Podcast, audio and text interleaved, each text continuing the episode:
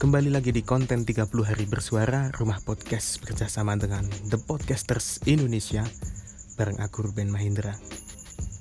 Tak terasa kita sudah memasuki minggu kedua dalam challenge 30 hari bersuara Dan hari ke-8 ini kita dapat tema jenuh Jenuh ini sering kali dikaitkan dengan perasaan ketika kita sudah melakukan sesuatu secara konstan dan berulang, namun tidak menimbulkan suatu sensasi baru ataupun sensasi yang menggairahkan.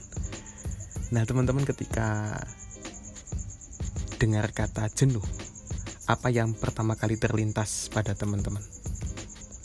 Nah, kalau aku itu sebenarnya berpikiran jenuh ini banyak banget ya teman-teman. Tapi kalau misalnya disempitkan dalam satu kasus bisa jadi pandemi pandemi ini adalah hal yang paling jenuh aku alami.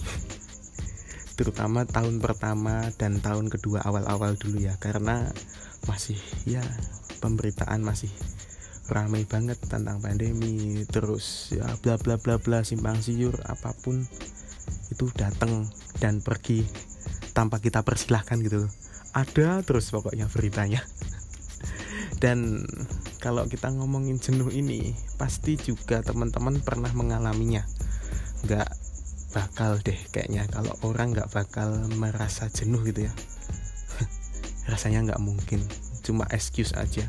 Oke hidupku sangat menyenangkan tidak pernah merasakan jenuh. Sepertinya itu mustahil ya teman-teman dan jenuh ini bisa diatasi dengan menciptakan sensasi baru teman-teman. Ketika teman-teman sudah melakukan suatu kegiatan yang sama misalnya ketika teman-teman itu uh, awal-awal pandemi ya ini aku ambil contoh secara garis umumnya ya secara garis besar secara umum. Kan banyak banget uh, teman-teman yang tidak bisa bekerja terus teman-teman di rumah aja begitu. Dan pada saat itu kompak banget nih teman-teman itu ternyata ada yang bilang ini pahlawan itu bisa diciptakan dengan cara rebahan. Ini teori lama yang kalau dipikir sampai sekarang ini sebenarnya nggak masuk akal teman-teman. Karena ketika rebahan itu nggak menghasilkan apa-apa tapi menghasilkan overthinking nggak tahu ya ini ini dulu itu kenapa bisa tercipta kata-kata seperti ini. Tapi wah kalau dipikir lagi akibat hasil rebahan itu nggak ada hasilnya deh kayaknya. Ya hasilnya cuma overthinking itu ya. Nah ketika teman-teman um, rebahan setiap harinya gitu kan pasti pernah merasa jenuh ya. Kok rebahan terus? Gini-gini aja rebahan. Nah ciptakanlah suatu sensasi baru yang belum pernah teman-teman rasakan Misalnya, rebahannya kita rubah polanya menjadi lebih teratur gitu. Ya, bisa dikatakan pola tidur lah. Pola tidurnya lebih diatur coba.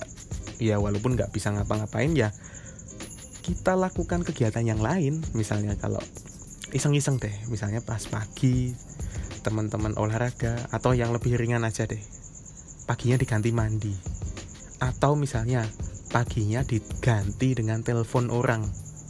Itu bisa juga dilakukan nggak cuma sebatas menjadi harus sehat ya. Tanda kutip harus sehat itu nggak harus. Ya apa pun deh. Kalau teman-teman misalnya pas pandemi terus punya kuota lebih ya udah nyalain live stream atau ngapain gitu. Kegiatan yang menciptakan sensasi baru gitu tuh teman-teman. Atau misalnya teman-teman kalau hobi olahraga pas pagi-pagi ya cari udara segar pas pagi. Nah itu jarang banget kan kesempatan kayak gitu. Kemarin-kemarin nggak bisa didapetin sekarang bisa didapetin. Dan ini kayaknya agak mundur ya kalau ngomongin pandemi. Karena sekarang kita udah memasuki bulan-bulan Desember dan Desember ini katanya buat akhir tahun. Itu adalah PPKM tetapi pemerintah katanya membatalkan PPKM dan ternyata redaksinya baru. Nah, ini bisa jadi pemerintah itu pengen ada sensasi baru di masyarakat supaya tidak jenuh dengan kata PPKM. Sekian episode kali ini. Terima kasih teman-teman telah mendengarkan Rumah Podcast.